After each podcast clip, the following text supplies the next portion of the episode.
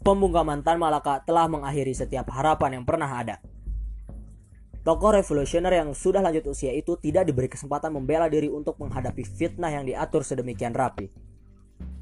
Menurut Benedict Anderson dalam salah satu karyanya, ia menyatakan bahwa Tan Malaka tidak bersalah. Dan karena itulah, tidak pernah berani menghadapkannya ke muka pengadilan.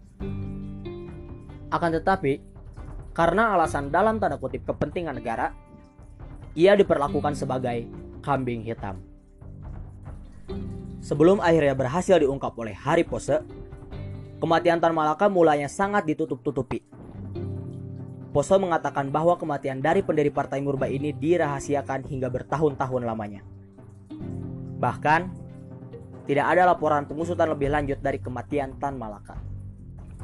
Tan Malaka tewas dieksekusi tanpa pengadilan oleh pasukan militer Indonesia di Selo Panggung, Kecamatan Semen, Kabupaten Kediri, Jawa Timur.